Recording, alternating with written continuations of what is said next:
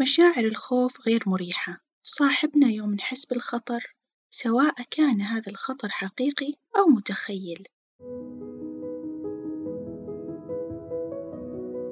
معكم ابتسام الوردي وأقدم لكم بودكاست وعي وتربية.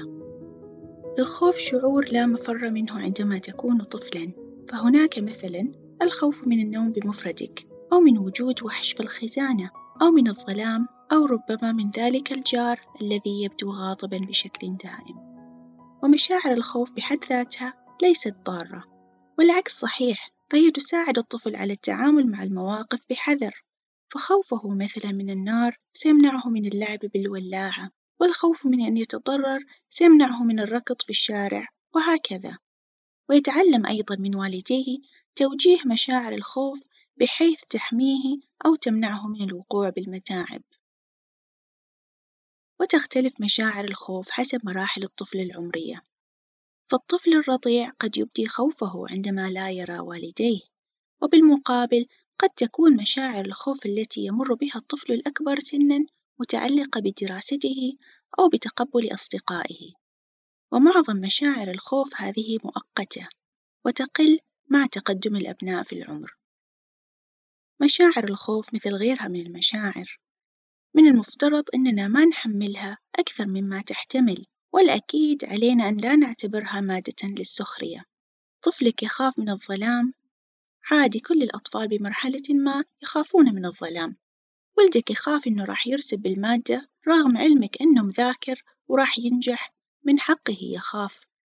بنتك تخاف من العناكب؟ عادي كلنا عندنا مخاوفنا اللي نحاول نتجاوزها، المهم هو كيف نساعد أولادنا على التعامل مع هذه المشاعر وعلى تجاوزها بقدر الإمكان، وعلينا أن نتذكر ونحن نتعامل مع الأبناء ومخاوفهم أن مشاعر الخوف وجدت لهدف حمايتنا من الخطر وأحيانًا تحفيزنا على الإنجاز، إذا كيف يمكننا التعامل مع مخاوف الأبناء؟ أولًا من المهم أن لا تقلل من شأن هذه المشاعر، فعندما تقلل منها فإنك لا تساعده على التجاوز،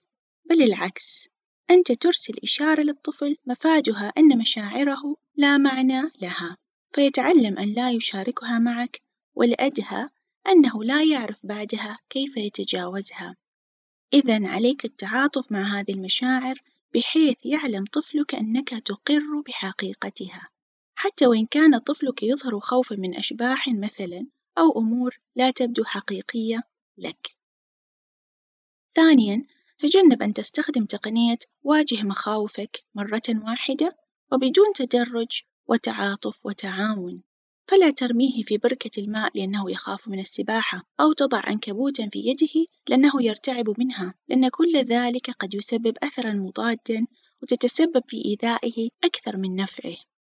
وبالمقابل لا تبعده تمامًا عن مصدر مخاوفه، لأنك تخشى عليه وتود أن تحميه، يمكن التعامل مع المخاوف بتدرج بدلًا من التطرف في مواجهتها. تجنب ردات الفعل المبالغة، فإن كنت أنت نفسك تخاف من أمر ما فلا تبالغ في إظهار مخاوفك فتنتقل لأبنائك. التجارب الجديدة بقدر ما هي ممتعة قد تكون بذات الوقت مخيفة للأبناء، لذا الإعداد المسبق مهم. فإن كنت تخطط مثلًا لرحلة جبلية تحدث عنها معهم، وربما يمكنكم مشاهدة برامج متعلقة وشراء ما تحتاجون لرحلتكم معًا وهكذا،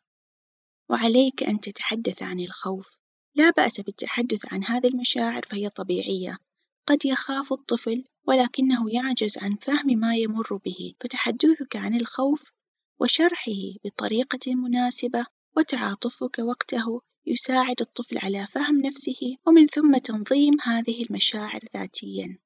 التنظيم الذاتي للمشاعر يعني القدرة على إدارة العواطف والسلوك حسب الموقف الذي تمر به، يتضمن مثلًا القدرة على مقاومة ردود الفعل العاطفية الشديدة تجاه المواقف أو التجارب المزعجة، وتهدئة النفس عند الانزعاج، والتكيف مع التغيير في التوقعات، والتعامل مع الإحباط دون انفجار. ساعد طفلك في التعامل مع مخاوفه بشكل صحي، وساعده ليهدأ ويشجع نفسه ويواجه مخاوفه بدون السخرية أو التقليل منها. من المهم للطفل أن يعلم أننا نفهمه ونتفهم مخاوفه ونتعاطف بما يشعر به، هذا النوع من التعاطف يخلق طفلًا واثقًا من نفسه سعيدًا متقبلًا لذاته.